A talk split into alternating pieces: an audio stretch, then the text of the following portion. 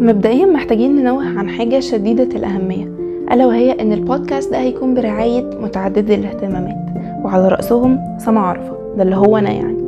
ليه بقى متعددي الاهتمامات؟ عشان الناس دي عبقرية جدا والله ومهدور حقهم. الناس اللي عندهم استعداد يقرأوا ويتعلموا في أي مجال حرفيا. رياضة فن تغذية وغالبا مش بيكونوا متخصصين في ولا حاجة عشان عامة الناس نوعين.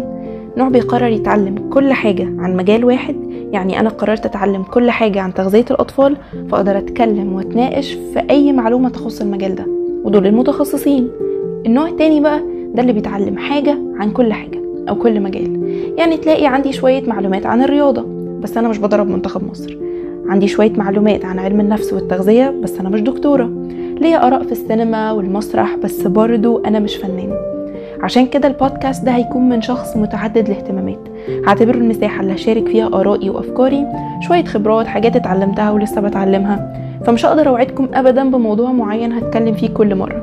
بس وعد هحاول أقدم كل لخبطة وتشتت متعددي الاهتمامات بشكل يكون مفيد على أمل أن يترك بأحدكم أثر. شكرا جدا لأي حد وصل لهنا. كان معاكم سما عرفة ودي كانت البداية.